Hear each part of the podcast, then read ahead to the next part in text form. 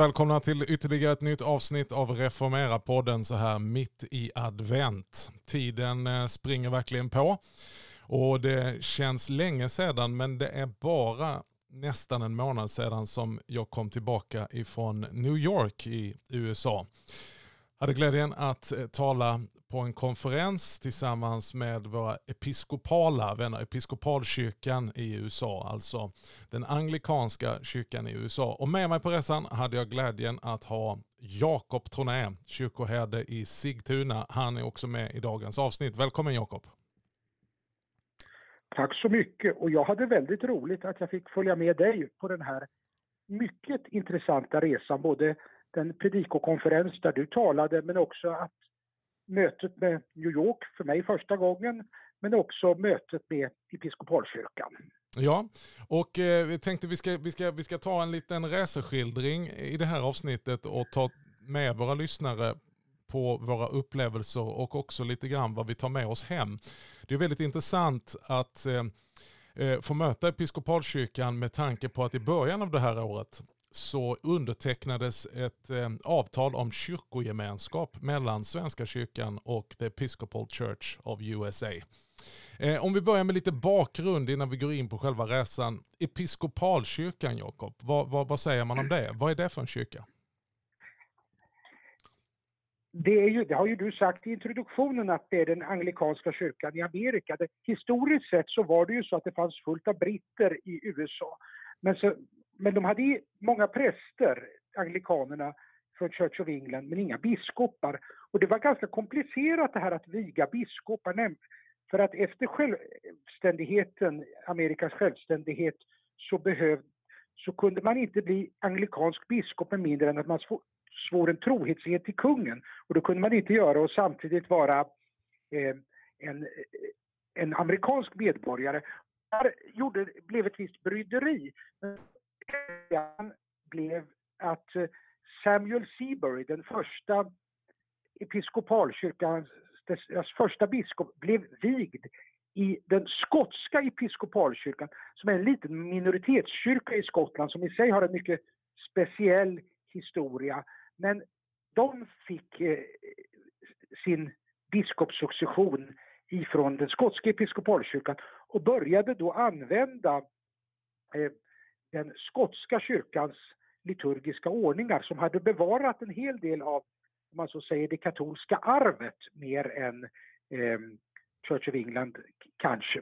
Och eh, det är så att säga början på en självständig eh, anglikansk kyrka i USA. Mm.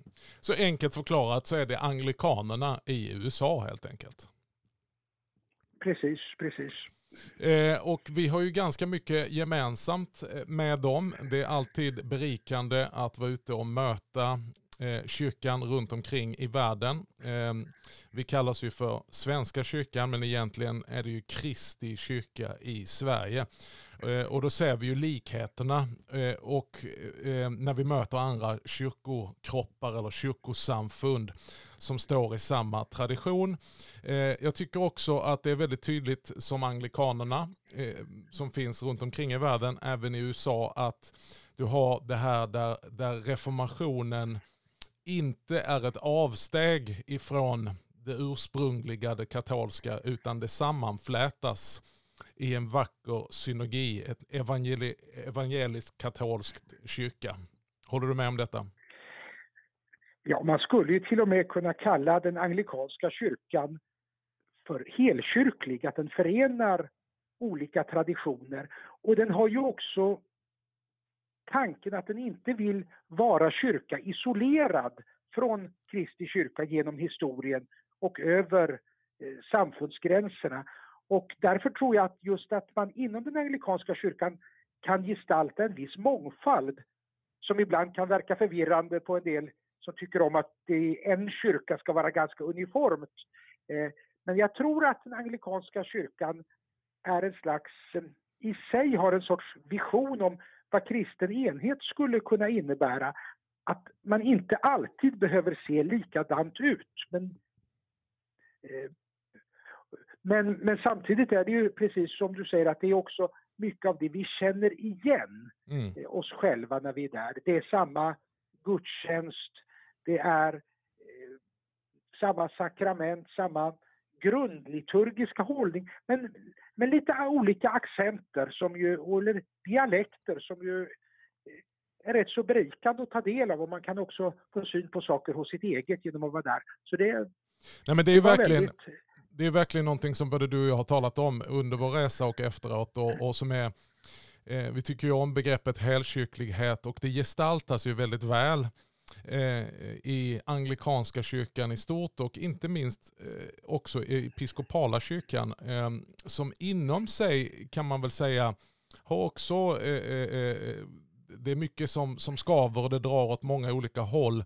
Men det finns en generositet upplever jag som jag gärna eh, ser att vi skulle kunna ta rygg på där man kan tillåta mycket olika betoningar att leva sida vid sida i en vacker mångfald som i bästa fall kan berika varandra. Det ser man inte, inte minst i de olika kyrkor både du och jag medverkade i på söndagarna och predikade i. Ehm, att det finns ehm, olika betoningar i samma stad, men där det finns en varm gemenskap mellan både präster och församling. Jo, alltså de, vi var ju där ungefär tio dagar så vi hann ju med eh, två söndagar och jag fick ju förmånen att predika i St. Mary the Virgin den första söndagen var där och sedan andra söndagen så fick vi båda vara med, där, vara med i St. George och också få koncelebrera i, i mässan där. Och det, var, och det var kyrkor av lite olika karaktär. Eh, men samtidigt så kunde jag, jag kände mig hemma i båda måste jag säga. Mm. Om vi ger lite, eh, om vi, om, om vi, gör, vi ger lite eh, liksom, eh, kommentarer till eh, Calvary St. George. Eh, deras kyrkoherde Jacob Smith har ju varit med här tidigare i podden och han var också en av de som var värdar för den här konferensen. Ehm, eh, jag predikade där första söndagen och andra söndagen var du också med där så att vi har båda erfarenheter från den kyrkan. Vad skulle du, hur skulle du sammanfatta din upplevelse av Calvary St. George? En, en, en, en eh, med episkopala mått med ett ganska stor församling mitt på Manhattan. Det, det var ju verkligen imponerande att vara med både se den, det liv, den mångfald av människor, den innerlighet hos människorna som fanns där. Också dess mycket intressanta kyrkomusik som förenade gammalt och nytt. Eh, sen måste jag ju också säga att Jacob Smith är ju en gammal bekant till dig men en ny bekant till mig och han och flera av hans medpräster där gjorde ett väldigt starkt intryck på mig. Hur de på något sätt kunde gestalta tron på evangeliet och samtidigt vara samtida i en mycket god mening. Mm, ja, men det är verkligen ett, eh, gediget och respektingivande arbete de gör där.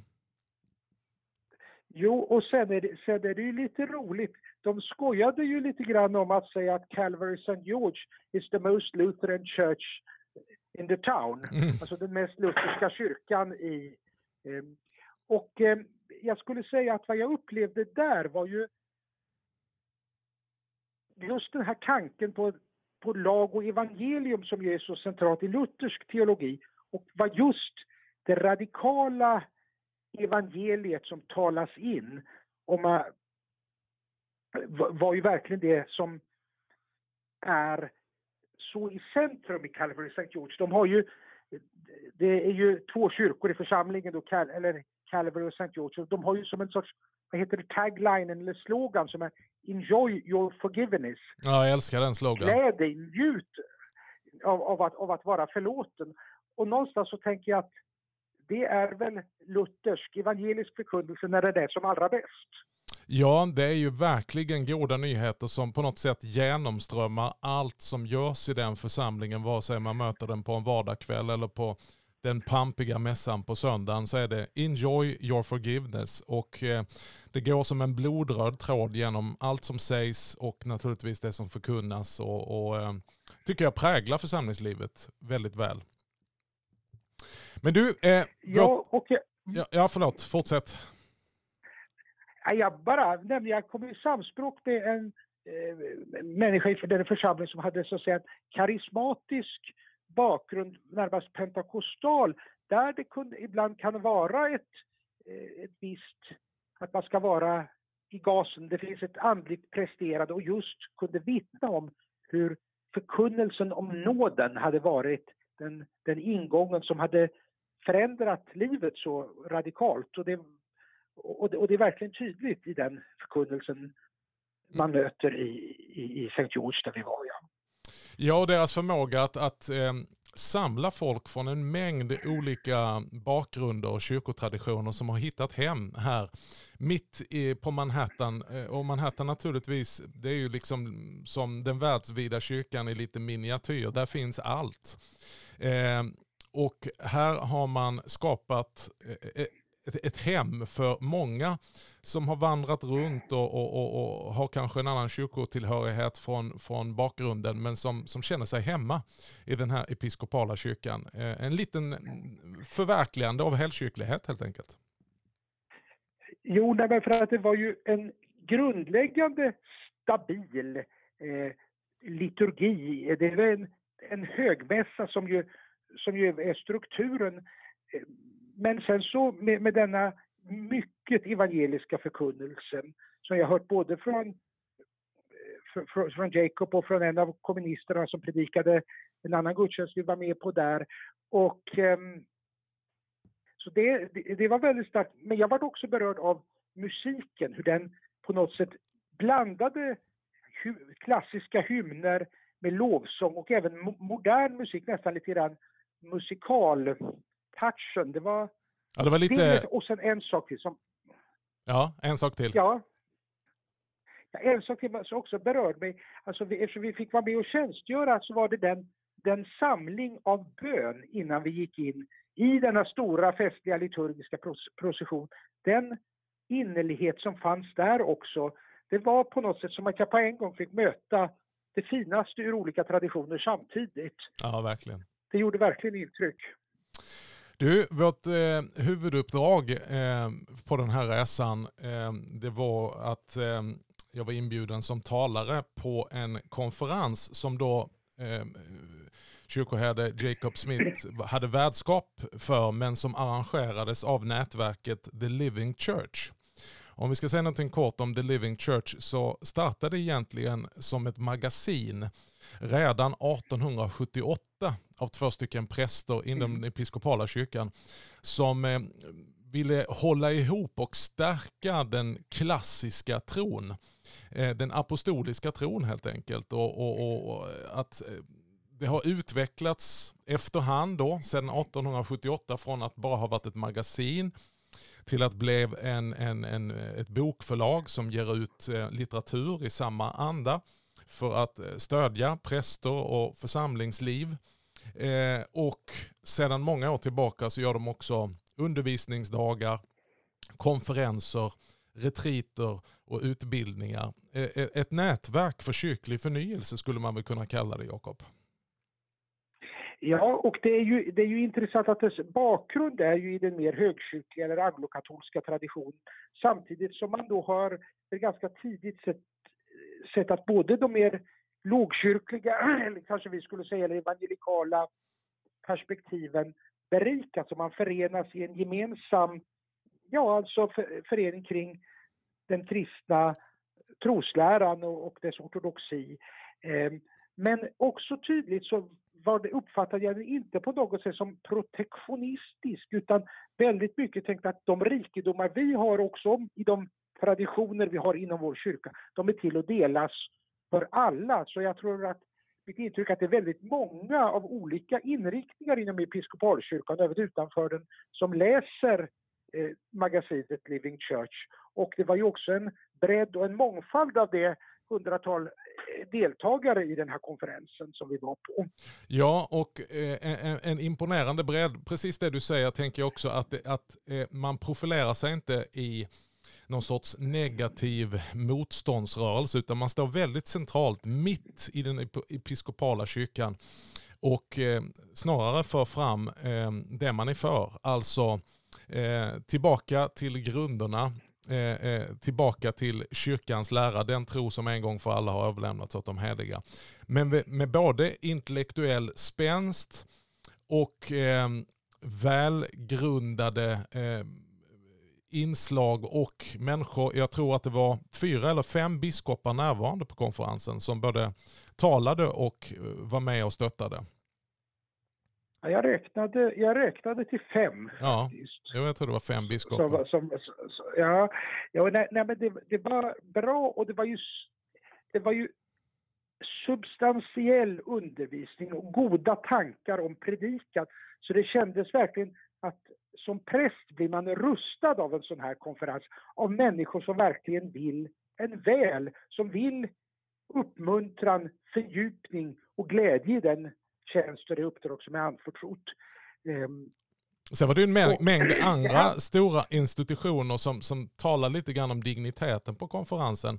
Eh, man kallar det för sponsors, alltså som är med och stödjer konferensen och närvarar.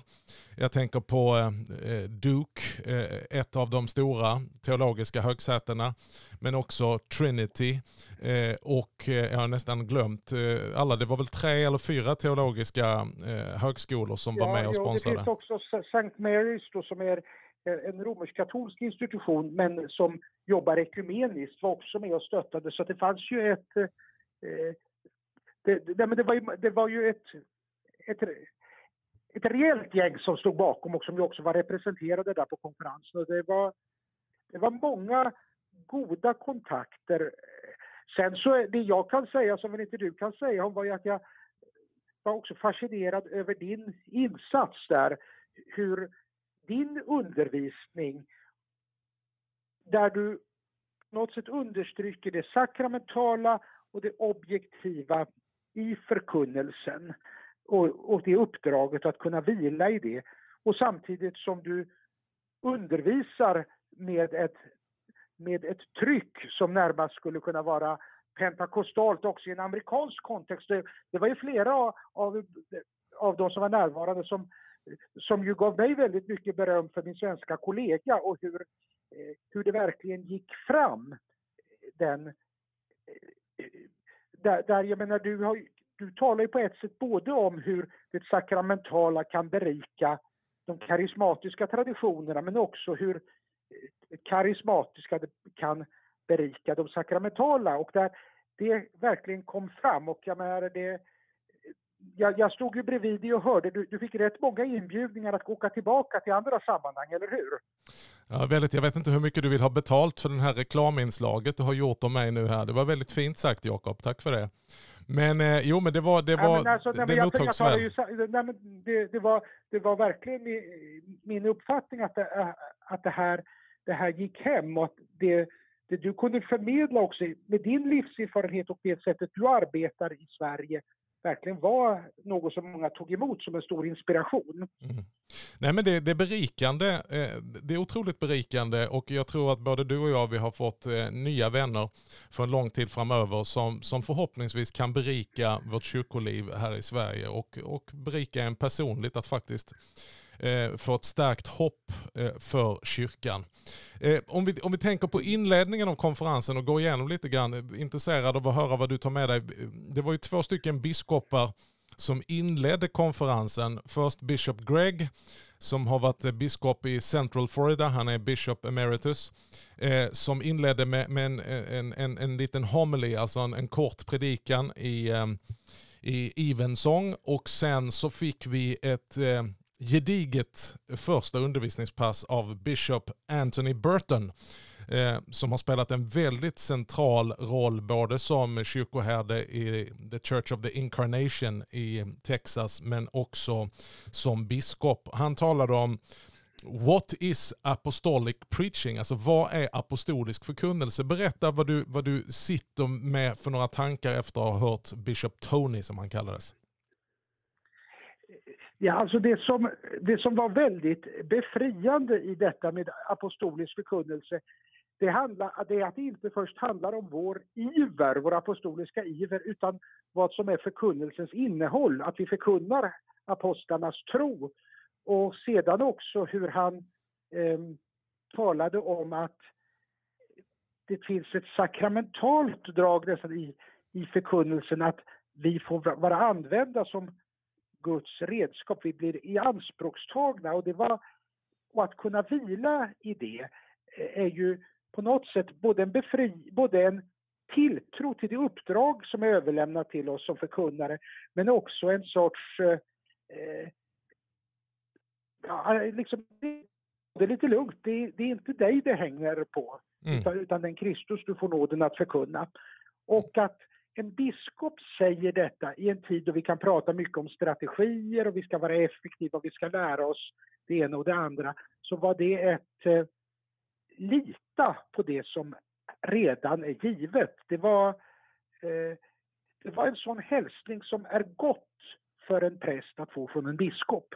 Ja, jag skulle precis säga det att atmosfären, om man ska känna in atmosfären i rummet, så var det som det var eh, själavård för alla präster som satt där. Det var uppmuntran och själavård som skapade en vila och en trygghet i att lita på budskapet. Det är inte ditt budskap utan detta är som jag sa innan, den tro som en gång för alla är överlämnad till de heliga. Håll fast vid den och förkunna det och överlåt resultatet till Herren. Och, och detta var sagt utan att vara moraliserande, utan faktiskt säga det tröstande. Och jag kan tycka att eh, de här biskoparna vi fick möta var ju väldigt inspirerande också hur de mötte oss präster.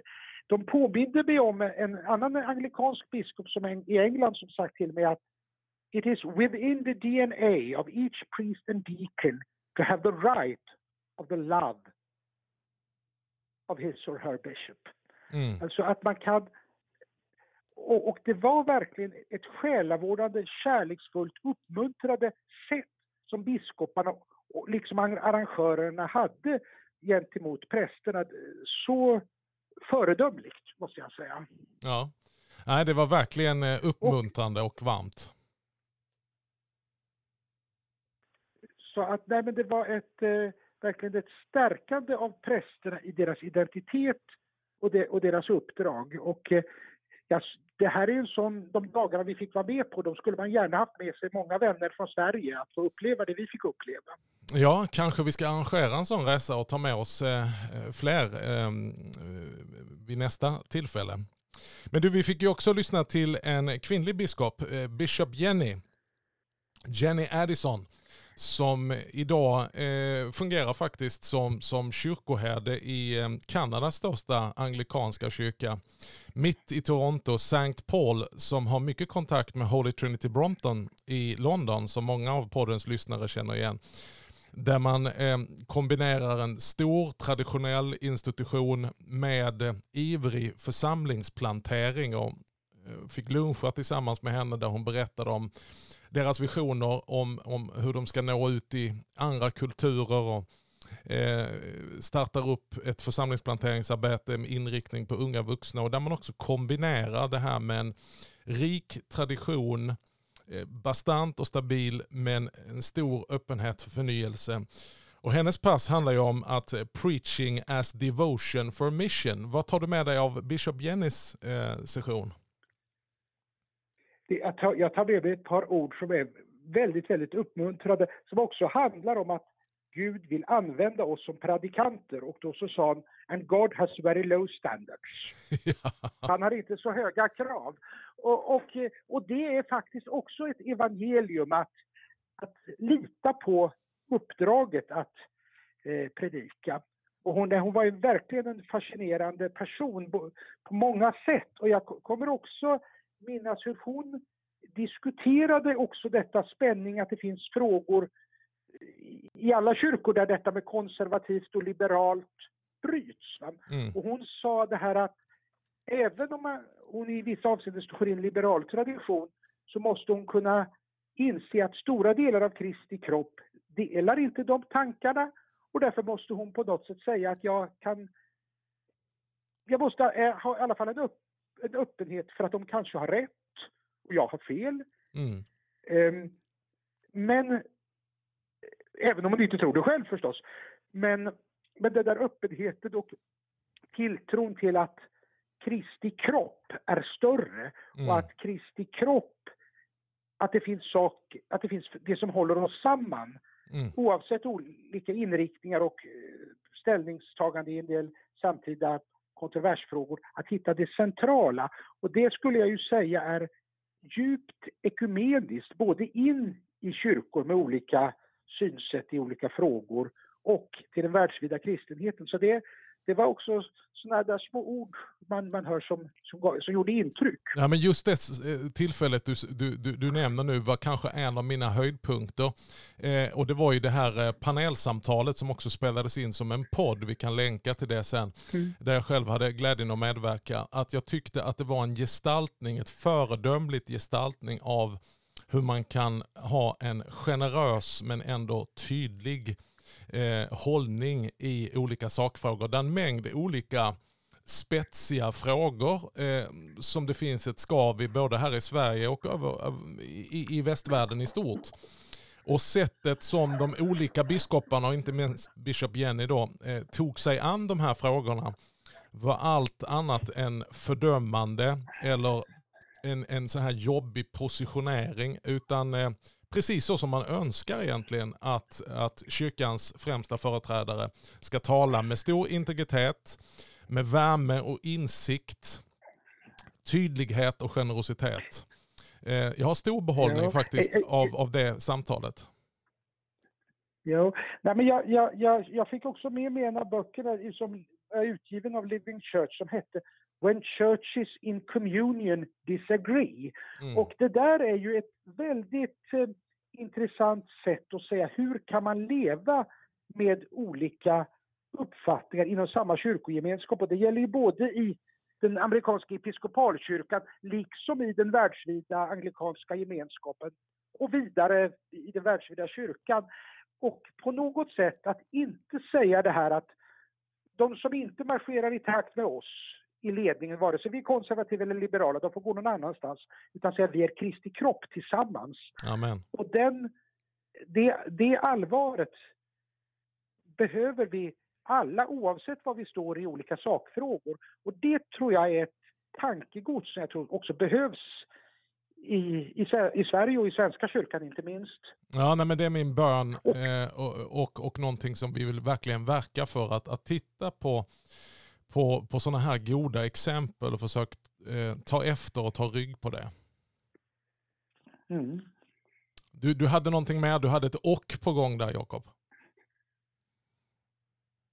Nej, du, du, får väl styra samtalet. Jag kan berätta om att jag tyckte det var fint i New York också. Men du, men du kanske har några saker till vi ska lyfta från konferensen vi var på? Ja, men om du sammanfattar. Om du sammanfattar då, eh, eh, vi väntar lite med, med, med, New York som stad och så avslutar vi på, på, på en lite mer sån här härlig social eh, nivå av, av att vi hade en rolig tid ihop. Men, men eh, sammanfattningsvis då, det du tar med dig från konferensen och besöket i kyrkorna? Alltså det, det, det jag tar med mig är en kyrka som lever i mångfalden.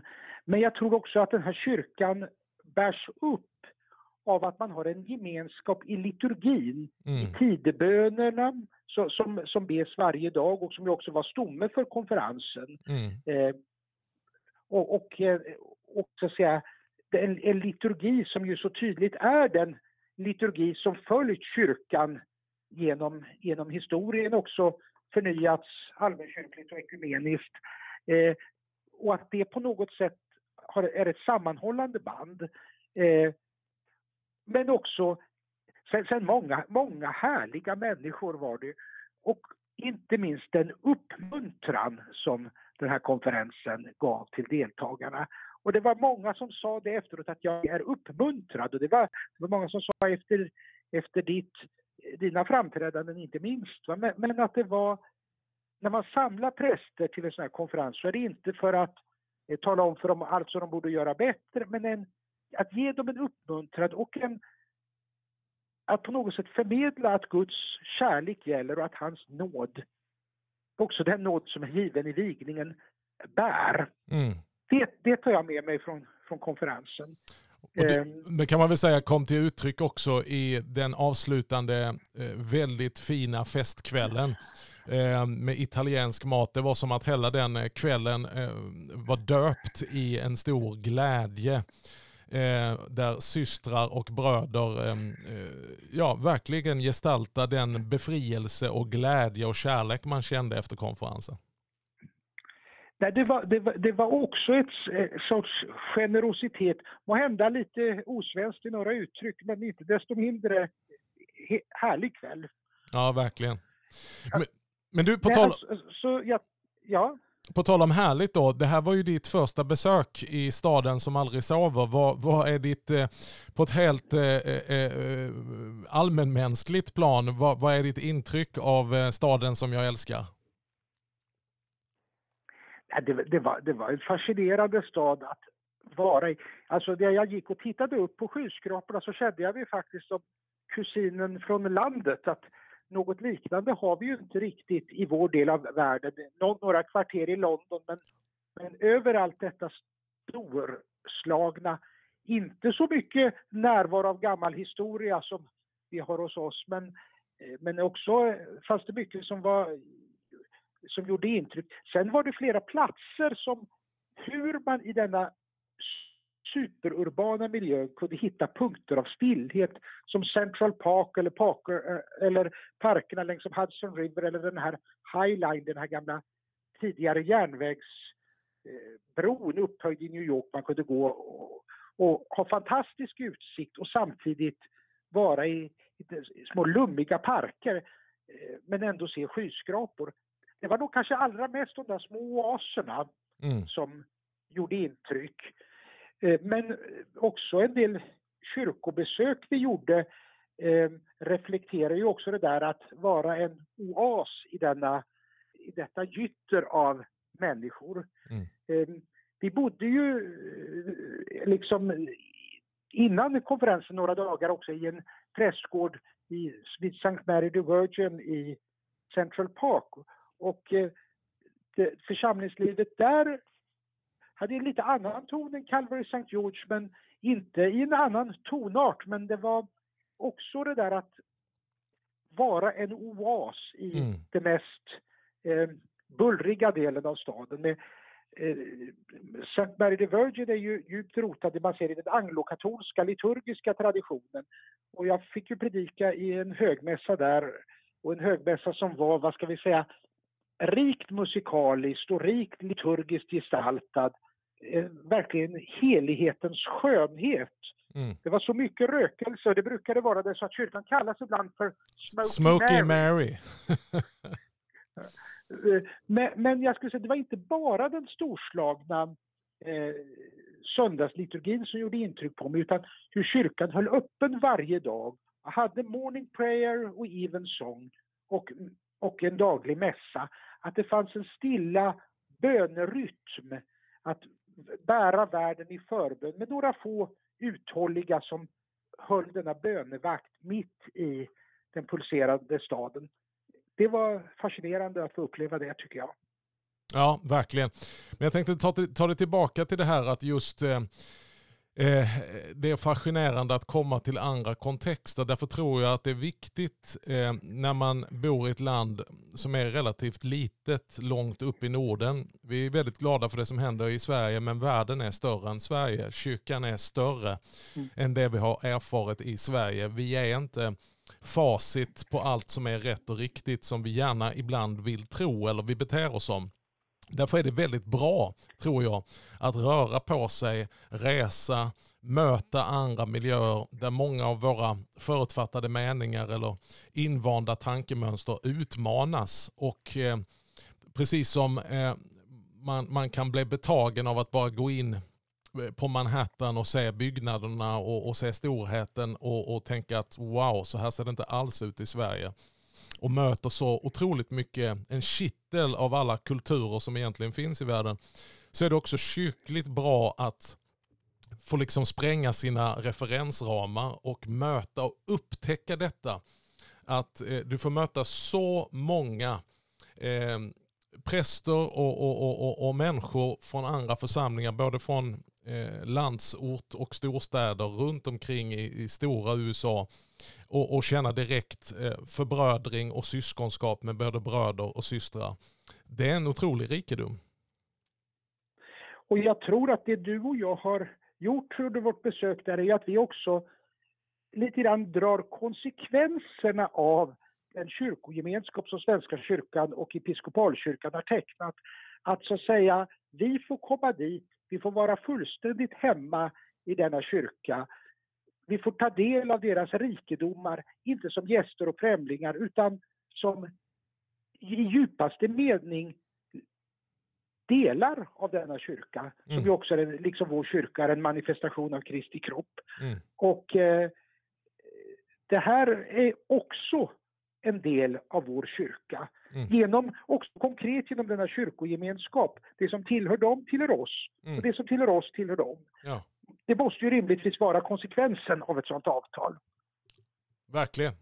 Och, och eh, till slut här nu, tiden eh, går snabbt, men eh, om vi avslutar med att säga, hur, hur, tycker du att vi här i Sverige ska förvalta den nyligen ingångna kyrkogemenskap med episkopala kyrkan i Amerika?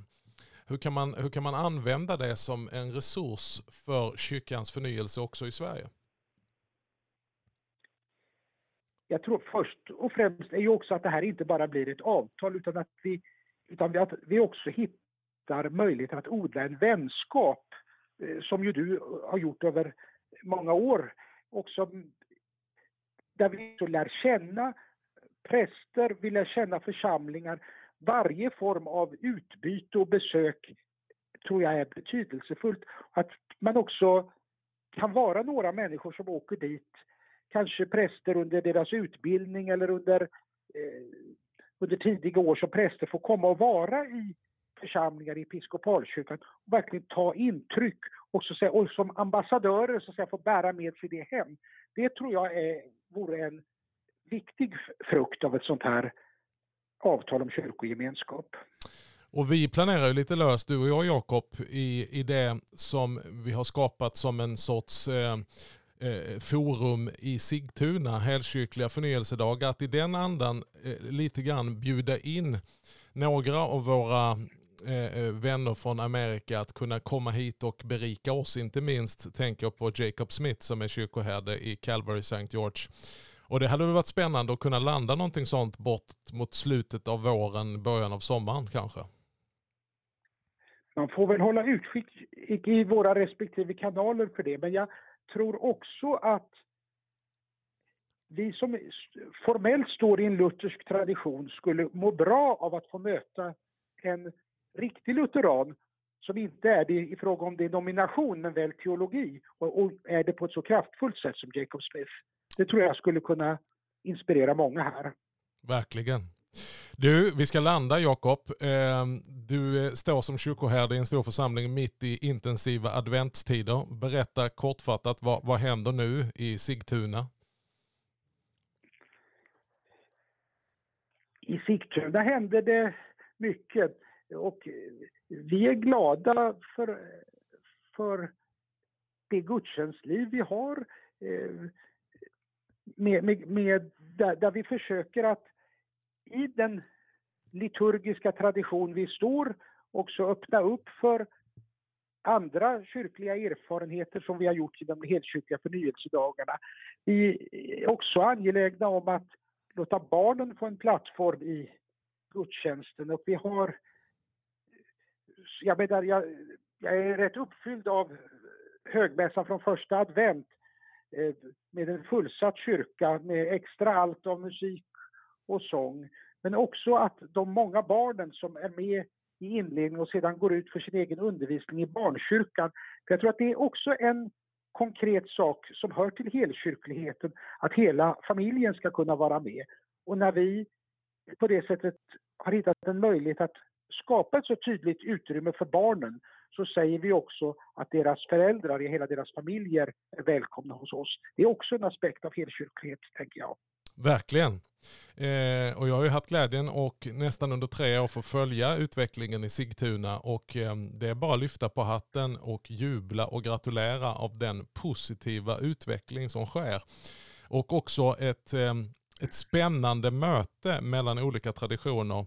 Kanske lite otippat för vissa som eh, betraktar det långt ifrån att en eh, eh lågkyrklig, höll jag på att säga, EFS-inspiratör med pingstbakgrund och en eh, högkyrklig eh, på, på sätt och vis eh, församling i Sigtuna med kyrkoherde Troné har hittat eh, en, en gemensam eh, eh, någonting gemensamt i helgkyrkligheten som har berikat er församling till, till, eh, till någonting positivt. Så är det verkligen. Så är det verkligen. Du Jakob. Eh, jag får väl... Ja, förlåt?